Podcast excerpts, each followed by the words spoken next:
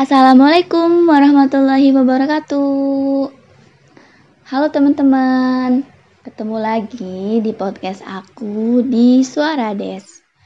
Makasih ya buat teman-teman yang udah uh, mampir ke kanal podcast aku dan nyempetin waktunya buat dengerin omongan aku gitu kan, dengerin sharing aku ke kalian kayak gitu.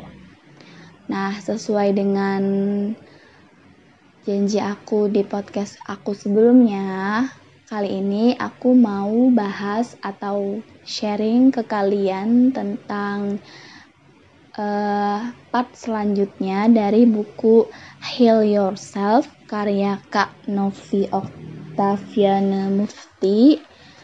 Uh, pada part ini aku mau sharing ke teman-teman tentang QLC. Nah, QLC itu singkatan dari Quarter Life Crisis. Mungkin teman-teman udah familiar dengan kata-kata dengan QLC ini karena emang udah banyak kan yang bahas juga tentang quarter life crisis ini gitu kan buku-buku yang bahas tentang quarter life crisis juga udah banyak. Terus kayak podcast-podcast yang ngomongin QLC juga udah banyak. Ataupun yang di YouTube YouTube gitu kan juga udah banyak banget pokoknya tuh yang ngebahas quarter life crisis ini. Jadi teman-teman juga mungkin ada yang udah tahu atau ada yang udah punya gambaran tentang QLC ini. Tapi nggak apa-apa namanya juga sharing aku ya mau sedikit berbagi aja apa yang aku pahami tentang QLC menurut uh, buku Heal Yourself ini ya. Jadi sebelumnya aku mau cerita aku tuh aku pernah gitu kan lagi ngobrol-ngobrol sama satu orang temenku gitu. Sebenarnya sih ngobrolnya tuh ya ngobrol-ngobrol ringan kayak gitu ngobrol biasa lah santai gitu kan. Nggak berat banget gitu. Terus tiba-tiba temenku ini nanya kan ke aku gitu ya. Nanyanya tuh kayak gini kamu pernah gak sih merasa khawatir tentang masa depan? gitu. Uh, detik pertama aku denger pertanyaan teman aku itu aku senyum.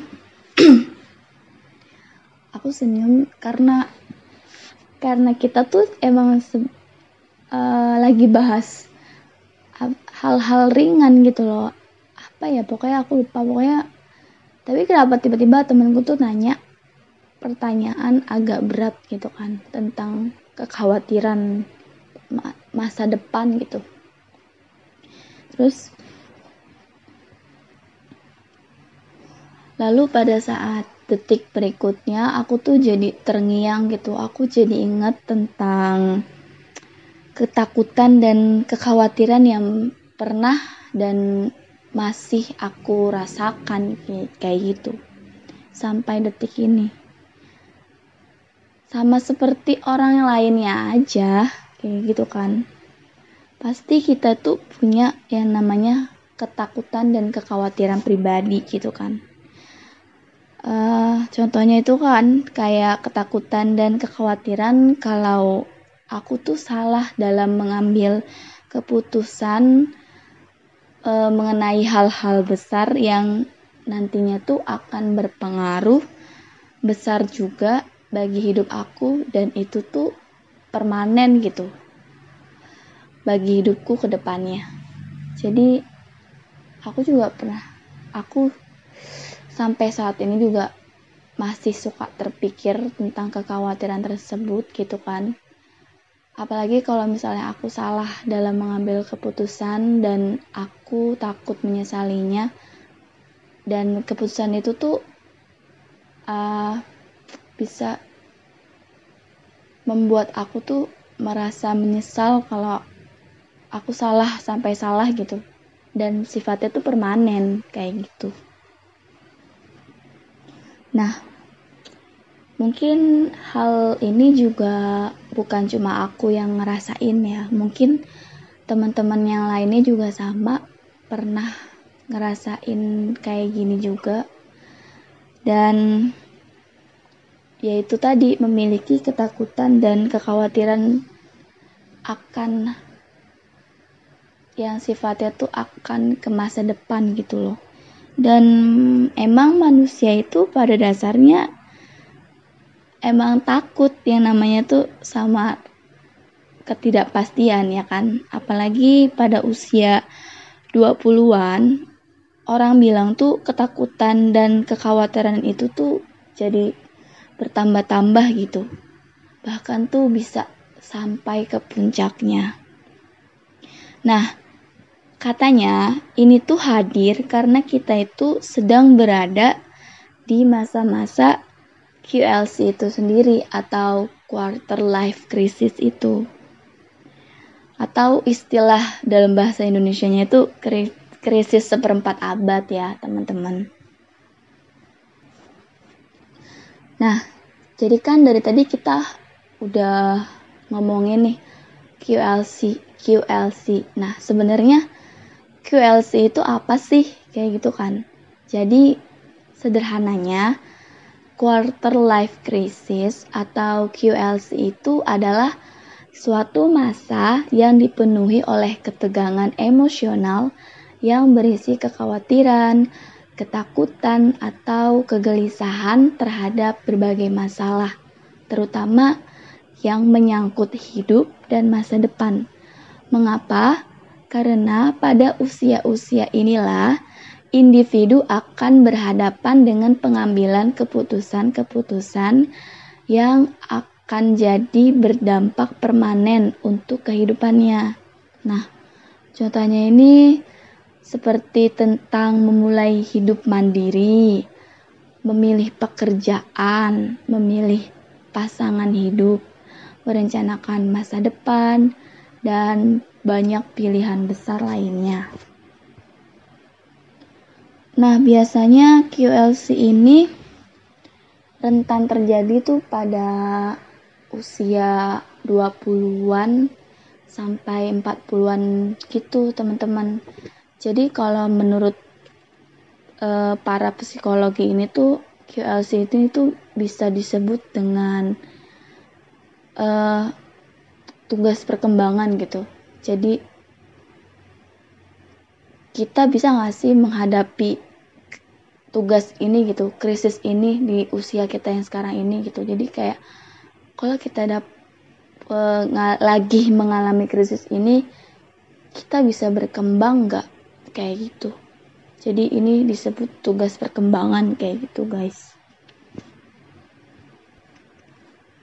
Nah, mulainya ini kan sebenarnya QLC itu tuh adalah suatu hal yang biasa aja gitu. Tapi kegelisahan akibat quarter life crisis ini tuh jadi nambah parah itu ketika kita itu udah mulai membanding-bandingin diri kita dengan orang lain yang seusia dengan kita gitu, yang usianya tuh nggak jauh beda misalnya dari kita. Ya kayak dari ya kayak teman-teman kita gitu. Kita suka bandingin diri kita sama teman-teman kayak sama teman-teman kita. Apalagi kan kita sering gitu kan uh, yang namanya ngelihat perkembangan teman-teman kita itu dari sebuah sosial media. Ya kan pasti kalian itu notaben punya yang namanya sosial media. Entah itu Instagram, WhatsApp, Facebook atau Twitter kan kayak gitu. Kita tuh sering ngeliat uh, kesuksesan misalnya kesuksesan teman kita gitu kan. Ataupun kebahagiaan kebahagiaan teman-teman kita atau orang-orang yang uh, seusia atau nggak jauh beda usianya dengan kita itu melalui sosial medianya gitu kan. Entah itu dari statusnya kah atau dari postingannya kah di akun sosial medianya gitu. Uh, yang mana hal itu tuh uh, membuat kita tuh jadi ngerasa kurang bersyukur gitu maksudnya misalnya tem kita ngelihat teman kita nih uh, udah sukses. Udah misalnya udah wisuda terus ada yang udah wisuda ada yang sudah mendapatkan pasangannya di usia yang sama seperti kita saat ini gitu kan. Sedangkan kita ini belum gitu kan menemukan aja belum gitu kan. Terus ada yang uh, baru wisuda langsung lanjut misalnya ambil S2 ke luar negeri gitu kan. Sedangkan kita wisuda aja belum gitu kan. Dan entah kepikiran akan lanjut S2 atau enggak dan gitu kan. Terus ada lagi misalnya ada yang baru wisuda dapat pekerjaan yang pekerjaan itu yang sebenarnya yang kita pengenin juga gitu yang kita ingin inginkan juga sejak lama kayak gitu kan. Sedangkan kita uh, wisuda belum gitu kan. Misalnya ya wisuda belum uh, kerja juga bukan passion kita kayak gitu kan. Kerja ya terpaksa kita bekerja di tempat yang sekarang misalnya uh, karena kita tuh perlu untuk mendapatkan sebuah materi kayak gitu kan. Dalam kata lain uang kayak gitu. Untuk apa? Untuk e, menopang e, perekonomian kita kayak gitu kan. So jadi banyak hal-hal lainnya yang membuat kita tuh jadi membanding-bandingkan diri kita dengan orang lain yang seusia dengan kita kayak gitu. Nah, inilah yang membuat quarter life crisis kita itu menjadi bertambah parah, teman-teman. Jadi alangkah baiknya di saat kita ngerasa kalau kita ini udah merasa khawatir atau gelisah gitu kan udah maksudnya udah pikiran tuh udah ke mana-mana gitu. Kita udah overthinking. Uh, kita ngerasa kita ini lagi di fase QLC gitu kan QLC alangkah baiknya kita tuh bijak dalam mengkonsumsi uh, sosial media gitu. Jadi kalau bisa kalau bisa kalau misalnya teman-teman lagi ngerasa ada di fase ini kalau bisa teman-teman tuh puasa dulu. Puasa dari yang namanya sosial media. Puasa dari yang namanya ngeliatin storynya teman-teman teman-teman kalian gitu kan. Dan kalau bisa sih kalian puasa dari hal-hal yang akan berpotensi membuat QLC kalian itu menjadi bertambah parah. Gitu teman-teman So aku juga sebenarnya saat ini pun aku meras sedang merasakan QLC itu sendiri gitu loh. Uh, jadi aku mau cerita lagi gitu kan. Di tahun-tahun ini tuh teman-teman seusia aku gitu kan. Itu tuh emang lagi tahun-tahunnya pada wisuda gitu kan. Temen SMA aku emang tahun-tahun itu tuh mereka semuanya tuh hampir semuanya itu wisuda gitu kan. Dan pastinya kan kita tahu namanya ya wisuda itu kan pasti momen bahagia ya. Jadi banyak yang melakukan banyak yang memposting momen bahagianya gitu kan pada saat wisuda ucapan-ucapan dari teman-teman mereka gitu kan kerabat saudara mereka gitu. Dan diposting di akun sosial medianya itu kan. So sedangkan aku sendiri gitu yang usianya sama kayak mereka. Tapi aku belum wisuda gitu. Bahkan aku tuh baru um, mau masuk mahasiswa tingkat dua loh teman-teman. Jadi aku tuh bener-bener gap year-nya tuh tiga tahun. Tiga tahun aku gap year aku baru kuliah. Karena ini sebenarnya sih QLC aku yang kedua kali ya aku ngerasa ini tuh QLC aku yang kedua di saat pada saat teman-temanku udah pada beres wisuda mereka uh, pasti dengan mudah lebih mudah istilahnya mendapatkan pekerjaan yang mereka inginkan gitu kan nah sebelumnya aku juga pernah ngalamin QLC itu Nah, sedikit cerita kalau QLC aku yang pertama itu ketika aku sedih banget, aku harus gap year gitu.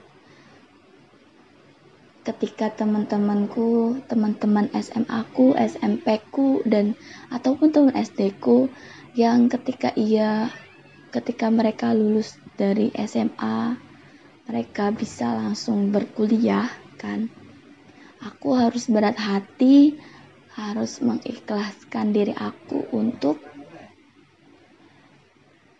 bekerja. Jadi aku harus bekerja dulu karena salah satunya itu alasannya karena faktor ekonomi juga dan kedua orang tua aku tuh um, emang secara terang-terangan gitu bilang ke aku kalau misalnya kamu kalau mau kuliah silahkan biaya dengan uang sendiri kayak gitu kan. Jadi ya udah mau gimana lagi uh, orang tuh aku juga nggak mau nyusahin kedua orang tua aku kan istilahnya kayak gitu. Akhirnya aku harus bekerja dulu. Kemudian gapir tiga tahun baru bisa berkuliah. Sebenarnya itu QLC aku di usia 18 atau 19 tahun gitu ya lebih awal satu tahun atau dua tahun ya dari rentang waktu QLC itu sendiri. Cuma aku ngerasa sepertinya itu masuk ke dalam QLC kenapa? Karena gini aku tuh emang pengen banget dulu tuh kuliah kan. Nggak kepikiran aku mau langsung kerja kayak gitu dan aku tuh pada saat itu mikirnya kayak gini kalau aku nggak kuliah? Nanti aku jadi apa? Kayak gitu. Nanti aku mau kerja apa? Kayak gitu teman-teman. So uh, ketika aku harus terima uh, aku harus kerja gitu kan mengumpulkan uang untuk bisa kuliah dan bantu sedikit menaikkan perekonomian keluargaku gitu aku berusaha untuk bisa menerima itu semua. Aku selalu positif karena aku yakin gap year itu bukanlah penghalang untuk bisa menjadi menggapai kesuksesan kita. Kayak gitu. Ya awalnya itu aku emang ngerasa sedih gitu kan. Karena melihat teman-teman aku yang bisa berkuliah gitu kan tanpa memikirkan biaya istilahnya sedangkan aku harus aku tuh kalau mau kuliah ya aku harus kerja kayak gitu. Jadi itu QLC aku yang pertama guys. Dan untuk saat ini sih QLC aku nggak nggak sedih-sedih banget lah ya. Soalnya belajar juga gitu dari yang pertama kemarin lebih bijak aja buat jaga hati gitu kan jaga jaga pikiran gitu biar VLC-nya itu nggak makin parah gitu. Nah, jadi sekali lagi aku cuma mau saranin ya. Kalau misalkan kalian lagi merasa di fase quarter life crisis, coba deh puasa bersosial media. Udah gak usah ngeliat status-status orang, siapa pun itu, puasa dulu sampai perasaan kalian bener-bener udah netral, pikiran kalian udah bener-bener udah netral juga, kalian udah merasa nyaman dengan diri kalian lagi, kalian udah merasa enjoy dengan hidup kalian, kayak gitu, baru kalian boleh deh konsumsi sosial media lagi, kayak gitu. Nah, sekarang aku mau ngajak kalian buat uh, melihat dari perspektif Islam ya. Uh, terkhusus untuk teman-teman aku yang beragama muslim gitu kan. Dan mungkin untuk teman-temanku yang beragama non muslim juga kan pasti belajar tentang hal ini gitu kan jadi kita melihat dari kacamata kita sebagai seorang muslim ya teman-teman sebenarnya quarter life crisis ini tuh gak nggak bakalan mengganggu kita loh sebagai seorang muslim. Kenapa?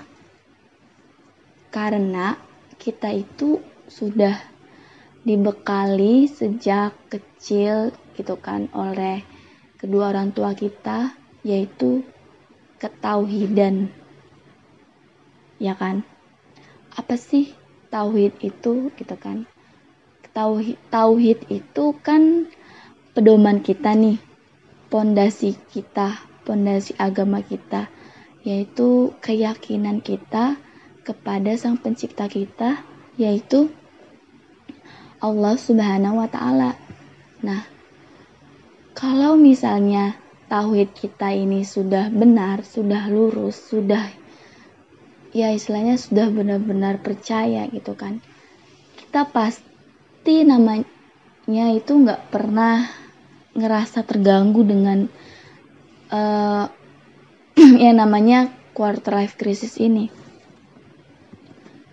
Karena kalau kita udah yakin sama Allah, ya kita tuh gak bakalan yang namanya punya kekhawatiran yang berlebihan tentang masa depan gitu kan.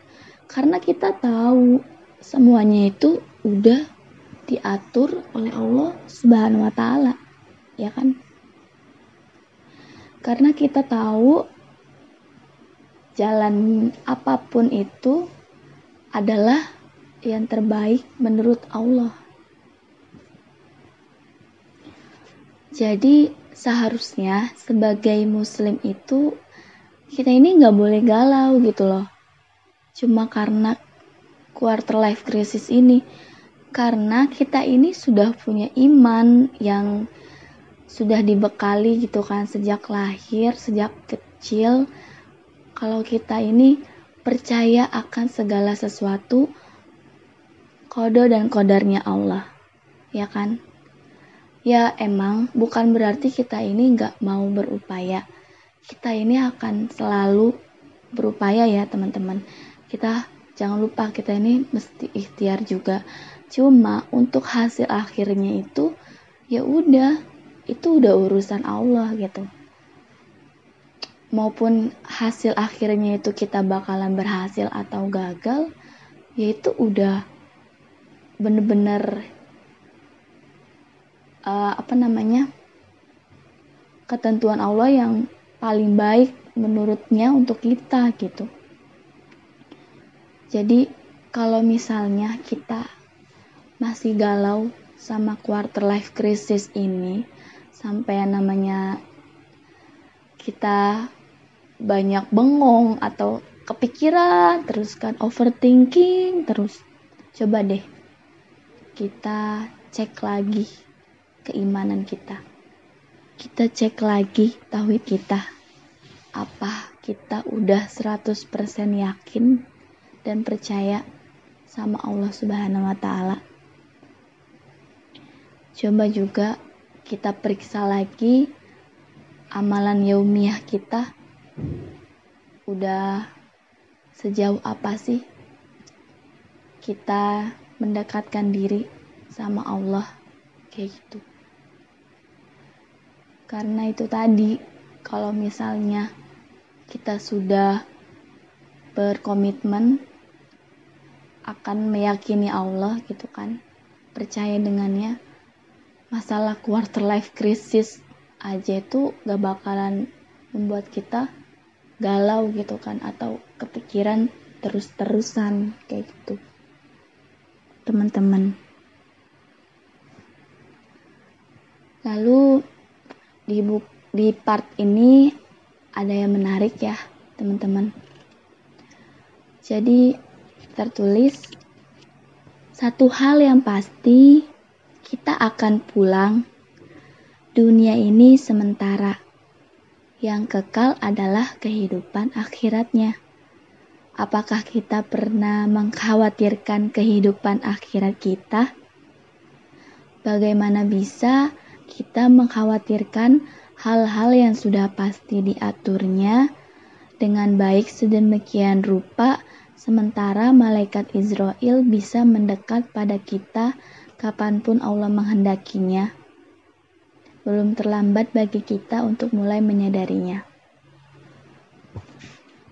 Jadi, daripada kita mikirin hal-hal atau kekhawatiran yang belum pasti tentang masa depan kita, lebih baik alangkah baiknya kita mikirin sesuatu hal yang udah pasti.